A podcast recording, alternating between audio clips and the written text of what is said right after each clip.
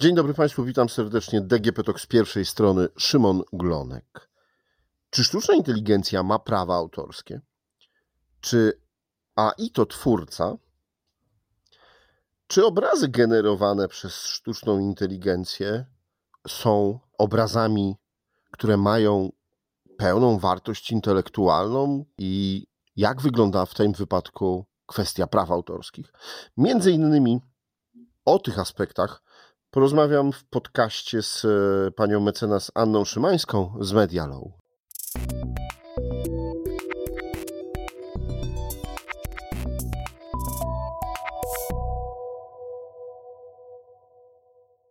Dzień dobry. Dzień dobry, panie redaktorze. Witam państwa serdecznie. To jakbyśmy tak zaczynali od początku i mieli powiedzieć prawnie, co to jest sztuczna inteligencja, taką definicję. Mhm. Tak, to jest dobry pomysł, żeby, żeby zacząć od uporządkowania e, tego pojęcia. Sztuczna inteligencja e, to są systemy komputerowe zdolne do wykonywania zadań, które w normalnych okolicznościach wymagają inteligencji człowieka. Sztuczna inteligencja e, działa w oparciu o dane pozyskiwane w wyniku uczenia maszynowego i są to modele oparte o sieci neuronowe, o rozwiązania e, bazujące na e, sieciach neuronowych. Rozwiązań dotyczących e, sztucznej inteligencji, czy powstających na e, bazie sztucznych inteligencji jest e, obecnie kilka. One cały czas się rozwijają i powstają nowe. Jest też takie pojęcie generatywnej sztucznej inteligencji i co to oznacza? Generatywna sztuczna inteligencja to są z kolei takie rozwiązania, które potrafią generować nowe rezultaty. I jeżeli chodzi o modele sztucznej inteligencji, to warto wskazać y, na to, że sztuczna inteligencja potrafi bardzo wiele. Potrafi zamieniać tekst na tekst, audio na tekst, audio na obraz, y, albo też y, tekst na obraz, tekst na wideo potrafi również generować obrazy za pomocą y, promptów. Tych modeli jest sporo. Znane są y, w tej chwili takie główne sztuczne modele sztucznej inteligencji tworzone przez operatorów, przez producentów sztucznej inteligencji. To są firmy Stable Diffusion, Midjourney, DALI 2, znany wszystkim na pewno Państwu chat GPT. Jedne z nich, jak ChatGPT, są modelami e, generującymi teksty, inne są modelami dyfuzyjnymi e, generującymi e, obrazy. Znane są też systemy generatywne, które generują dźwięki. Także biorąc to wszystko w takim ogólnym zestawieniu, można powiedzieć, że sztuczna inteligencja z łatwością może obsłużyć w tej chwili każdą dziedzinę naszego kreatywnego życia. Ale o tej kreacji e, też chciałabym powiedzieć, bo e, ona będzie e, dzisiaj tutaj takim bohaterem naszego podcastu i ona jest absolutnie kluczowa w rozmowach o sztucznej inteligencji. Ja widzę. No dobrze, to teraz, jeśli już widzimy i wiemy, czym jest ta sztuczna inteligencja, tak, jaka jest jej definicja, troszkę pani powiedziała o tej kreatywności, ale to właśnie wrócimy. To czy sztuczna inteligencja ma prawa autorskie? Sztuczna inteligencja nie ma praw autorskich, przynajmniej na razie. Wynika to z szeregu orzeczeń y, wydawanych przez sądy na całym świecie i zarówno na kontynencie, i zarówno w Stanach Zjednoczonych. Y, bo sztuczna inteligencja jest uznawana y, jednak za maszynę. Nie może y, maszyna wygenerować utworu. Autorem utworu, zgodnie z i orzecznictwem, i z ustawodawstwem wszystkich państw na świecie, może być tylko człowiek. Zdarzają się oczywiście przypadki niezwykłe, które na przykład y, potrafiły, tutaj służą urzędy patentowe, potrafiły przyznać miano twórcy sztucznej inteligencji E, jako twórcy, jako wynalazcy patentu. No ale to oczywiście upadło przed, e, w postępowaniu przed sądem. Natomiast e, takie sytuacje gdzieś też się pojawiają, warto na nie zwracać uwagę. Myślę, że też nie można ich lekceważyć. I pamiętać o tym, żeby jednak monitorować ten proces ten proces, który może doprowadzić w niektórych przypadkach, a może tak się wydarzyć w przyszłości, y, do y, upodmiotowienia sztucznej inteligencji w kontekście przyznania jej monopolu prawno-autorskiego, ale to nie jest na razie temat na dzisiaj. Dzisiaj. No dobrze, to jesteśmy w takim, jesteśmy w takim miejscu, gdzie sztuczna inteligencja może skompilować i przygotować tekst do gazety, opowiadanie czy wypracowanie do szkoły, e, jakąś prezentację. Może wygenerować obraz albo wideo, ale robi to na podstawie przygotowanych, wykreowanych materiałów przez człowieka. To kto ma prawa autorskie do utworu, który powstał z tego wygenerowania? Mhm. Ja bym odpowiedziała na to pytanie w taki sposób, że mm, w związku z pojawieniem się systemów generatywnych, y, sztucznej inteligencji, mamy takie dwie kategorie problemów.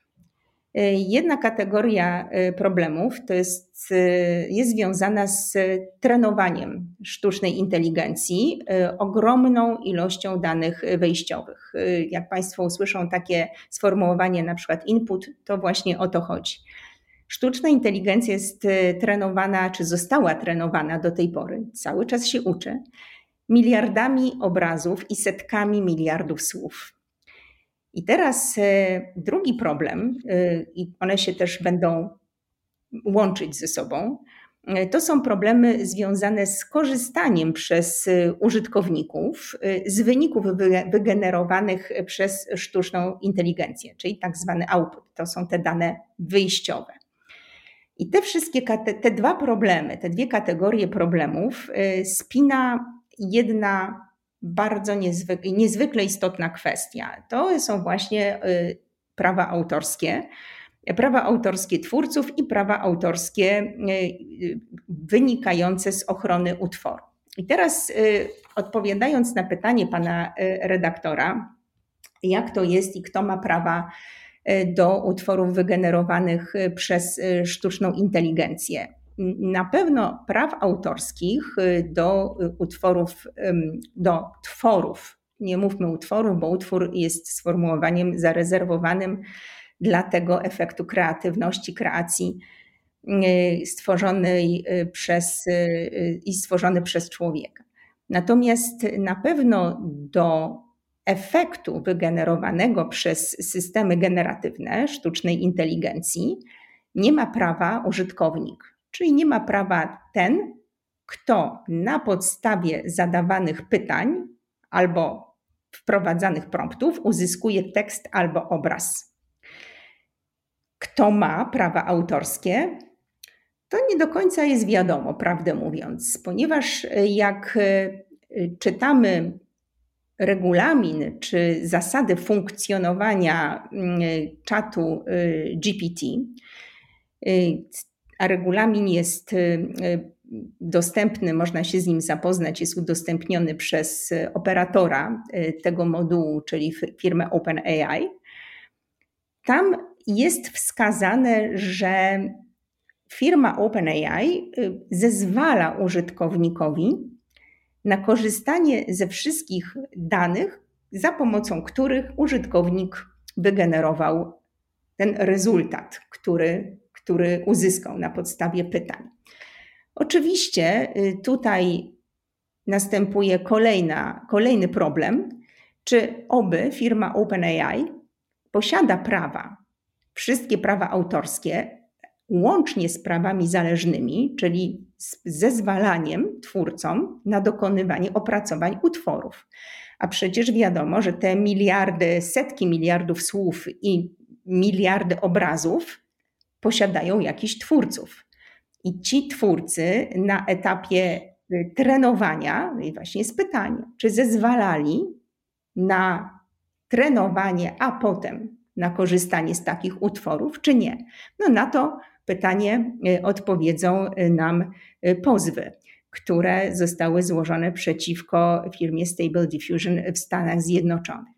Ale tutaj Mamy jeszcze kilka bardzo ważnych kwestii. To jest y, bardzo istotne, żeby o tym opowiedzieć, ponieważ y, słyszę też takie pytanie, no ale dlaczego sztuczna inteligencja, dlaczego maszyna, można powiedzieć w skrócie, y, nie może być twórcą?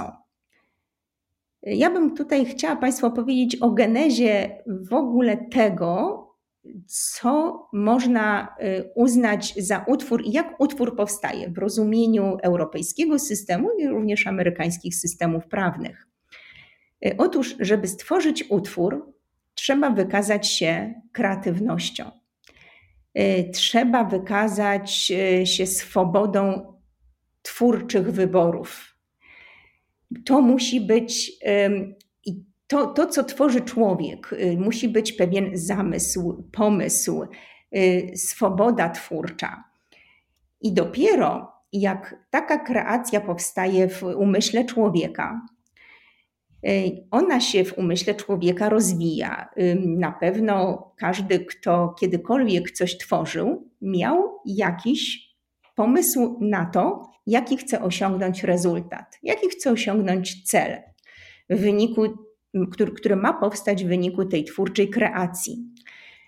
I rzeczywiście, jeżeli na przykład y, y, dokonujemy jakiejś właśnie twórczej, y, twórczej, twórczej działalności, to taki zamiar w wyniku naszej, naszej kreatywności zostaje osiągnięty, ten rezultat. Natomiast w przypadku tworzenia utwor, tworów, tworów, rezultatów przez sztuczną inteligencję, kreatywność człowieka, jeżeli w ogóle o niej mówić, tak, dajmy na to można, tak, w jakichś wyjątkowych przypadkach, polega na zadawaniu pytań. Natomiast to, co de facto uzyskujemy w wyniku zadania tych pytań i w wyniku e, wygenerowania tego przez sztuczną inteligencję, jest dla nas pewnym zaskoczeniem. Czyli nie wiemy dokładnie, nie, nie, nie monitorujemy tego systemu kreatywności. My zadajemy pytanie, a dostajemy rezultat, który nie jest wynikiem tego procesu. I to jest taki koronny argument, dlaczego nie można sztucznej inteligencji przypisać, e, przypisać praw autorskich do stworzonych przez nią utworów. I tutaj e, od razu pojawiają się pewne pytania. No ale co na przykład w przypadku, jeżeli zadamy nieprawdopodobnie dużo, dużą ilość pytań, na przykład na jakiś bardzo specjalistyczny temat. I te pytania będą w taki sposób sformułowane, na przykład w jakiejś dziedzinie, dajmy to astronomii, przez wysokiej klasy eksperta, wysokiej klasy naukowca. One zostaną sformułowane w taki sposób, że sztuczna inteligencja taki rezultat faktycznie wywoła. Mimo, że na przykład korzysta z danych i praw autorskich innych osób, tak? czyli innych, innych podmiotów, czyli tego, czym została zasilona. No i to jest pytanie takie, prawdę mówiąc, otwarte. Ja nie mam na nie jako prawnik dzisiaj jednoznacznej odpowiedzi, ponieważ też y, od dwóch miesięcy jesteśmy świadkami zmiany cywilizacyjnej, więc na e, ferowanie wyroków jest jeszcze za wcześnie, ale to jest doskonały czas na przyglądanie się temu zjawisku i na rozpoczęcie już e, pewnej analizy i dokonywanie pewnych wniosków. W moim przypadku Jeżeli taka sytuacja by zaistniała, to ja nie wykluczam, że gdzieś w przyszłości mogłoby dojść do uznania takiego wygenerowanego tworu za utwór. Ale to są w moim przypadku kwestie jednostkowe, bo wiadomo, że rezultaty sztucznej inteligencji są póki co zależne od człowieka. To od nas zależy, jakie jej zadamy pytanie, albo jakie no tak, prompty ale wyobraźmy, ale wyobraźmy sobie taką sytuację, że siedzi pani w parku, jest pani z jakiegoś powodu przygnębiona, smutna, albo szczęśliwa, roześmiana. Y, w tym parku jest y, artysta, fotograf, malarz, grafik, który patrząc na panią, e, na pani emocje, y, narysował obraz, zrobił zdjęcie. No i podarowuje go pani w prezencie. Jest to utwór, prawda? No, na pewno. No a teraz siada pani przed komputerem, ma pani włączoną kamerę i oprogramowanie sztucznej inteligencji. I sztuczna inteligencja jest w stanie po rysach twarzy, tak jak ten człowiek, nie rozmawiając z panią, nie, nie widząc, nie wiedząc powodów, dlaczego taki, a nie inny nastrój ma pani. No więc sztuczna inteligencja, komputer jest w stanie rozpoznać też po mimice twarzy i na przykład y, wygenerować i wyświetlić pani na ekranie obrazek, który wiedząc, y, znając pani behawiorystykę, wiedząc, że lubi pani jakieś, nie wiem, plenery górskie, zwierzęta albo cokolwiek innego, taki obrazek, który nigdy wcześniej nie powstał, a który spowoduje, że pani się uśmiechnie, albo że pani no, poprawi się humor, albo cokolwiek innego. Czy to będzie utwór? No nie. Cały czas, cały czas musimy pamiętać, że wszystko, co tworzy w tej chwili sztuczna inteligencja, nie może być utworem, bo sztuczna inteligencja nie jest człowiekiem. Zgodnie z wszystkimi systemami prawnymi na świecie i orzecznictwem już gromadzonym co róż, bo te orzeczenia zapadają, sztuczna inteligencja, maszyna nie może być e, autorem. Autorem może być tylko człowiek w związku z tym procesem właśnie kreatywności, e, o którym e, mówiłam przed chwilą. No Więc tak, mamy w sytuacji, której powiedziałem, no mamy jakąś kreatywność. No ale kreaty, kre, kreuje. Bo kreuje... nie zadała pani pytania sztucznej inteligencji, nie poprosiła, nie wiem, przygotuj obrazek, który mi poprawi humor, cokolwiek takiego. Też by na pewno y, wygenerowała taki obrazek. Dla niej to naprawdę nie jest w tej chwili problem. Problem jest w tym, y, że cały czas musimy, możemy wszystko, o wszystko właściwie poprosić w tej chwili sztuczną inteligencję i ona naprawdę spełni nasze oczekiwania. Myślę nawet, że na pewno szybciej, bo ona działa naprawdę błyskawiczniej niż człowiek. Może nawet lepiej, może nawet ten rezultat będzie nam się bardziej podobał. Pytanie teraz, co z tym zrobić, bo to jest problem. Ja nie mam na niego odpowiedzi. Mogę bazować na tym, co w tej chwili, y, co w tej chwili zbudowały systemy prawne w wyniku rozwoju całej cywilizacji ludzkości a mamy to, co mamy, tak? Czyli mamy człowieka, który jest takim epicentrum tworzenia y, utworów. Y, do tej pory nie zezwoliły sądy na przykład na uznanie, na uznanie zwierzęcia. Tak? Za, za twórcę była ta słynna sprawa małpy, która zrobiła zdjęcie. Tak? I mhm. pytanie, czy, to, czy, czy ona mogła zostać uznana za twórcę. No nie, bo trzymamy się pewnych ustalonych reguł, Y, że ten proces kreatywności może nastąpić tylko w ludzkim mózgu z użyciem ludzkiej świadomości, ludzkiej kreatywności. Więc ten fotograf w parku jak najbardziej, tak, to jest jego spojrzenie, to jest jego, to wychodzi od niego. Natomiast to, co tworzy sztuczna inteligencja, ona tworzy to przetwarzając miliardy danych, setki miliardów danych, obrazów, danych tekstowych, mieszając to ze sobą. Y, więc y, tutaj cały czas stoimy na, na stanowisku, że póki co to nie może być uznane za utwór. Y, Czy to jest jedyna słuszna droga? Ja tego nie wiem. Myślę, że nikt tego jeszcze nie wie, bo być może rzeczywiście są już takie głosy, to jest właśnie to, o czym mówiłam przed chwilą, że są takie głosy, które mówią: No dobrze, ale jeżeli rzeczywiście no, ten y, twórca y, tak wspaniale, gigan, y, do, genialnie dobierze prompty, tak, że wyjdzie mu obraz, który on naprawdę zamierzył, bo to jest, musimy się trzymać pewnych definicji wypracowanych, co jest utworem. Y, prawo tak funkcjonuje, bo gdyby prawo nie określało pewnych ram y, naszego życia na Ziemi, ludzkość by się pogubiła, bo tu są systemy prawne, żeby nam to życie porządkować, żeby nam to życie tłumaczyć. Prawo oczywiście odpowiada na potrzeby społeczne, ono samo w sobie nie, nie jest tak po prostu odtworzone. Tak? No, prawo reaguje, zwłaszcza teraz, bo nie mówimy o podwalinach w ogóle systemów prawnych starożytności, tylko mówimy o nowoczesnych czasach, gdzie pojawiają się technologie, no i wtedy co się dzieje, tak?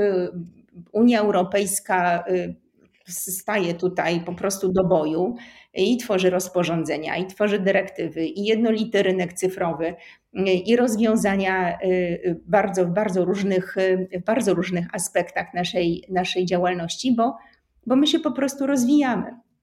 W tej chwili rozwinęliśmy. A jak możemy się zabezpieczyć w takim wypadku? No, powiedziała Pani tutaj o tych. Yy o tych procesach sądowych, tak? Tutaj Getty Imagines y, oskarżyła jedną z firm, y, że bezprawnie wykorzystuje jej y, zasoby do, te, do uczenia sztucznej inteligencji. Ale jak twórcy, właśnie fotografowie, artyści mogą się zabezpieczyć i mogą pokazać, że okej, okay, to jest utwór mój, mojej kreatywności, mojej wrażliwości, mojego patrzenia na świat, a nie twór wytworzony przez kompilację tysięcy innych obrazów czy innych yy, grafik, tekstów. No, to z jednej strony mogę powiedzieć, że jest e, proste, e, jeżeli twórca jest tym twórcą rzeczywistym. Y, y, proste, ale wymaga y, przygotowania po prostu dowodów na to, bo jeżeli mm, twórca jest, jest tym kreatorem pewnego rozwiązania, jakiegokolwiek tekstowego, graficznego, muzycznego, audiowizualnego, wszelkiej możliwej kreacji, musi zadbać, i to jest mój ogromny postulat, ponieważ y, no, też w swojej praktyce spotykam się że z, z taką sytuacją, gdzie, gdzie te na przykład y, kwestie dowodowe są utrudnione. Ale jeżeli taka sytuacja zaistnieje, to warto pamiętać, że żeby na przykład przy tworzeniu, y, przy tworzeniu artystycznych kreacji tekstowych Y, móc wykazać, y, że w komputerze powstawały takie zapisy przez tak zwany ten tracking, tak? Jeżeli kreujemy coś, y, na przykład, nie wiem, robimy wizualizację 3D, nawet to też czasami może podlegać prawom autorskim, no bo te narzędzia są tylko są tylko właśnie narzędziami, tak, umożliwiającymi twórcy wykonanie pewnej kreacji, ale nie we wszystkich przypadkach ale dajmy na to, ktoś tworzy właśnie obrazy, grafiki, logotypy, jakiekolwiek y, filmy reklamowe, materiały reklamowe. W takim przypadku warto na tym etapie działalności twórczej y, zabezpieczać się, czyli po prostu zbierać dowody, czyli krótko mówiąc, przygotowywać czy zabezpieczać materiał, który wskaże na przebieg tej kreacji. I w wyniku na przykład jakiegoś sporu, jeżeli ktoś nam zarzuci, że, bo to tak się teraz może wydarzyć, tak? Ktoś powie, no ja stworzyłem utwór, ale na przykład ktoś mówi, nie, ale to, to jest chat GPT, to, to nie ty to napisałeś, tak? I wtedy my musimy, jeżeli jesteśmy rzeczywistymi twórcami, móc wykazać, ale zobacz, ja tutaj mam, prawda, możemy prześledzić po prostu ten sposób zapisywania w moim komputerze, jak ja to pisałem, y, czy pewnych y, sekwencji tworzenia tego utworu. Więc to jest do zrobienia. To, to tak trwa do dzisiaj, tak to wygląda y, w, normalnie w, w realnym świecie. takie metody udowadniania twórczości stosuje na przykład w sporach, w których reprezentuje twórców. Tutaj nie widzę wielkiego, wielkiego problemu, no, tylko trzeba dbać o te, o te dowody. Gorzej jest, jeżeli my chcemy komuś udowodnić, że to on stworzył utwór za pomocą ChatGPT, a on twierdzi, że nie. No i tutaj kwestie dowodowe są rzeczywiście, rzeczywiście trudne, no bo to, no bo tutaj rzeczywiście wtedy trzeba by go zmusić do właśnie tego dowodu przeciwnego, tak, żeby on wykazał, że jednak stworzył, stworzył ten utwór samodzielnie. To będą problemy. To będą problemy. Twórcy w tej chwili i właściciele, można powiedzieć, praw autorskich nie są w sytuacji idealnej. No, no nie są, tak? W tej chwili faktycznie to, to już wiemy, wiele znamy takich przypadków w Stanach Zjednoczonych, że są zwalniani dziennikarze, zastępowani, zastępowani chatbotem po prostu do produkcji treści. Nie tędy droga, nie tak to miało wyglądać, ale, ale takie działania są już trochę poza naszą kontrolą, a może właśnie powinniśmy zacząć je jakoś regulować. Tak jak wspomniałam, dwa miesiące takiej rewolucji, no trudno wymagać, żebyśmy się pewnie wszyscy w tym od razu odnaleźli, ale nie wolno tego w moim przekonaniu ważnego momentu nam przegapić.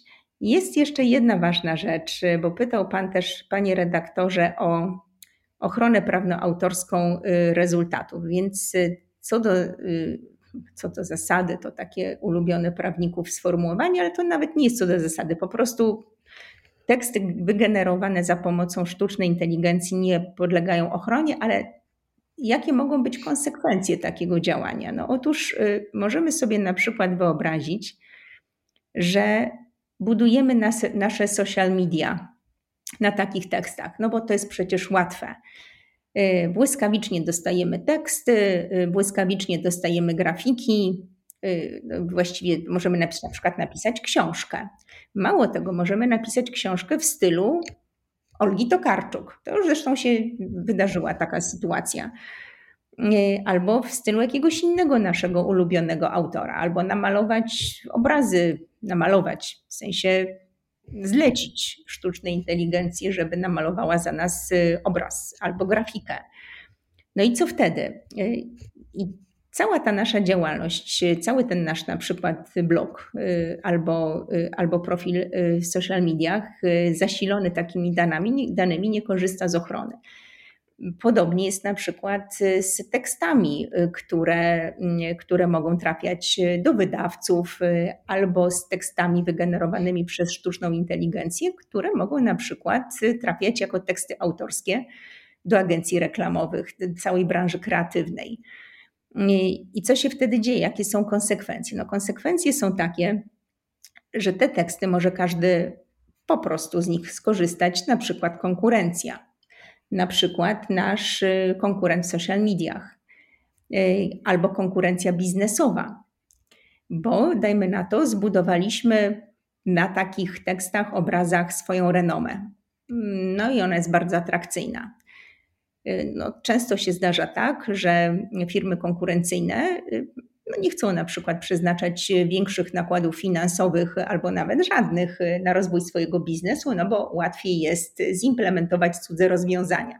Jeżeli to się dzieje, no to mamy narzędzia w tej chwili. Mamy ochronę dualistyczne, tak? mamy ochronę praw autorskich, no to jest jedno, no i oczywiście nieuczciwą, czy, czy ustawę o zwalczaniu nieuczciwej konkurencji i również z tego tytułu możemy wnosić o y, usunięcie skutków, o zakazanie naruszeń, odpowiedzialność odszkodowawcza, o publiczne przeprosiny. Mamy bardzo duży arsenał możliwości.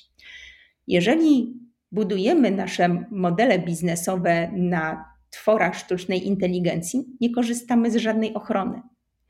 I tu jest y, naprawdę wielki problem. Trzeba też pamiętać y, o tym, że jeżeli będziemy chcieli komuś udzielić licencji, albo przenieść prawa autorskie w, formie umowy na stworzenie takiego, na, na, na korzystanie z takiego tekstu, obrazów czy, czy wideo, nie będziemy mogli tego zrobić, no bo będziemy składać fałszywe oświadczenie woli y, na temat naszego autorstwa. W każdej umowie, to na pewno każdy wie, kto czytał umowy y, w zakresie prawa autorskiego, że w każdej dobrze przygotowanej umowie y, ten, kto udziela na przykład licencji albo zbywa prawa, musi oświadczyć, że jest autorem, że przysługuje mu pełnia praw. E, do tego utworu, że nie są te prawa obciążone prawami osób trzecich i tak dalej, i tak dalej. W tym przypadku będzie po prostu to niemożliwe. Więc y, moje rozumienie jest takie, że y, zachłysnęliśmy się trochę y, tą, tą sztuczną inteligencją. Jest też takie rozumienie, że właściwie no to jest narzędzie, które, z którego możemy korzystać do woli, Pewnie tak jest, ale musimy pamiętać e, o tych skutkach. Ja bardzo apeluję o to, żeby myśleć jednak tak bardziej długofalowo i mieć świadomość, bo to będzie należało do decyzji każdego, z, z każdego człowieka, każdego biznesu. Natomiast ja głęboko wierzę w to, że jeżeli podejmujemy decyzję świadomie, no to również świadomie musimy się godzić na pewne konsekwencje e, takich naszych działań. Tak to wygląda, inaczej to e, po prostu nie funkcjonuje, a jeżeli tego nie dopilnujemy, no to mamy kłopot. Idziemy do sądu. Jak widać, sądy też no mają tak, na chwilę. Więc... Jak widać tych, tych zagadnień prawnych w obrębie wykorzystania Y, sztucznej inteligencji, ale też tego, co ona generuje, jest bardzo dużo. Ja na koniec mam jeszcze jedno, wydaje mi się, bardzo istotne pytanie, y, bo sztuczna inteligencja popełnia błędy. I co, jeśli ktoś podejmie jakąś ważną decyzję? I dozna uszczerbku albo na zdrowiu, albo uszczerbku finansowego, podejmie, nie wiem, niesłuszną decyzję, jeśli chodzi o firmę, o zarządzanie ludźmi. Mhm. Ja wiem, że to człowiek podjął decyzję, więc on jest odpowiedzialny. No ale sztuczna inteligencja dostarczyła mu jakichś danych czy jakichś informacji. No tak, to, to, jest, to, to, jest, to jest problem, problem z gatunku wielkich, y, absolutnie trwają prace w Unii Europejskiej e, nad dyrektywą w sprawie odpowiedzialności za sztuczną inteligencję.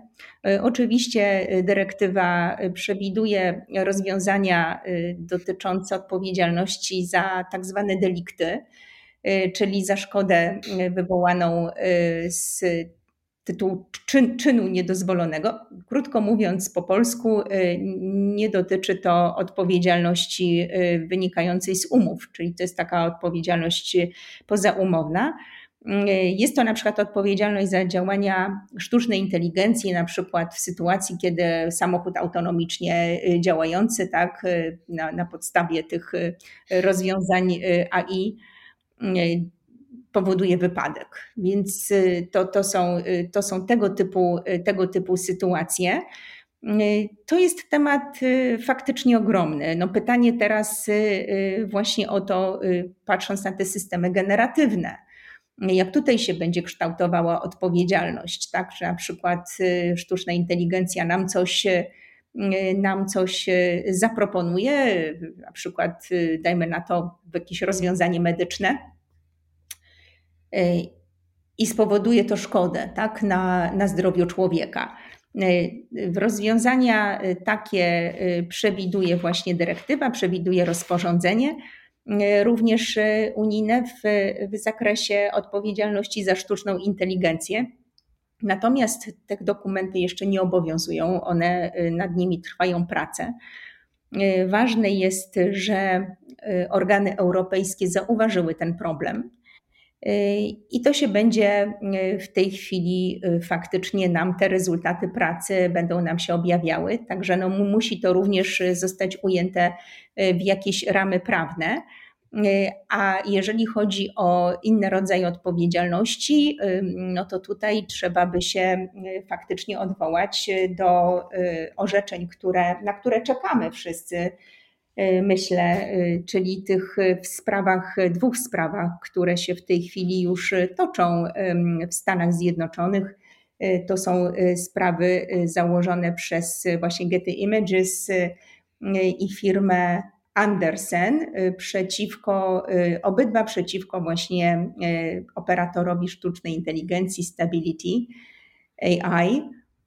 Dotyczą one wykorzystania utworów jako Y, danych treningowych. I y, na koniec powiem, bo to, jest, to, to będzie niezwykle istotne, y, niezwykle istotne będą te wyroki.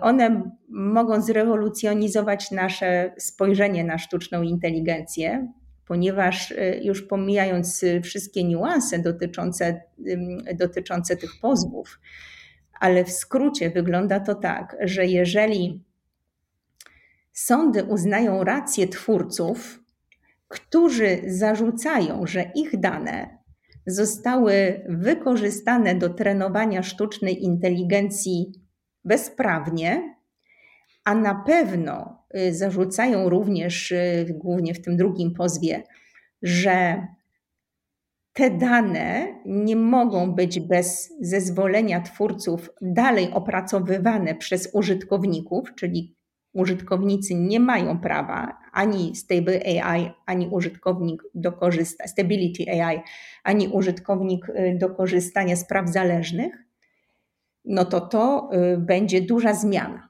To będzie ogromna zmiana y, dla funkcjonowania całych systemów, które w tej chwili się rozwijają, nadal się uczą. Więc tutaj no, mamy już pewne jakieś mechanizmy kontroli.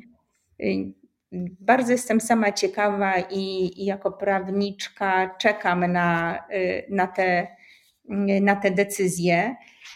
obrona jest oczywiście taka, że, y, że bardzo szerokie zasady y, fair use w Stanach Zjednoczonych umożliwiały operatorom sztucznej inteligencji na trenowanie tych danych, ale nie jestem pewna, czy, czy sądy amerykańskie faktycznie pójdą w tym kierunku, że trenowanie i dokonywanie opracowania, a potem udzielanie de facto, bo tak trzeba by chyba do tego podejść, licencji użytkownikom e, na e, korzystanie z efektów pracy twórczej, które to efekty są niejednokrotnie bardzo zbliżone, o ile prawie że nie tożsame z utworami, którymi sztuczna inteligencja była zasilana, czy to nie będzie jednak uznane za naruszenie prawa.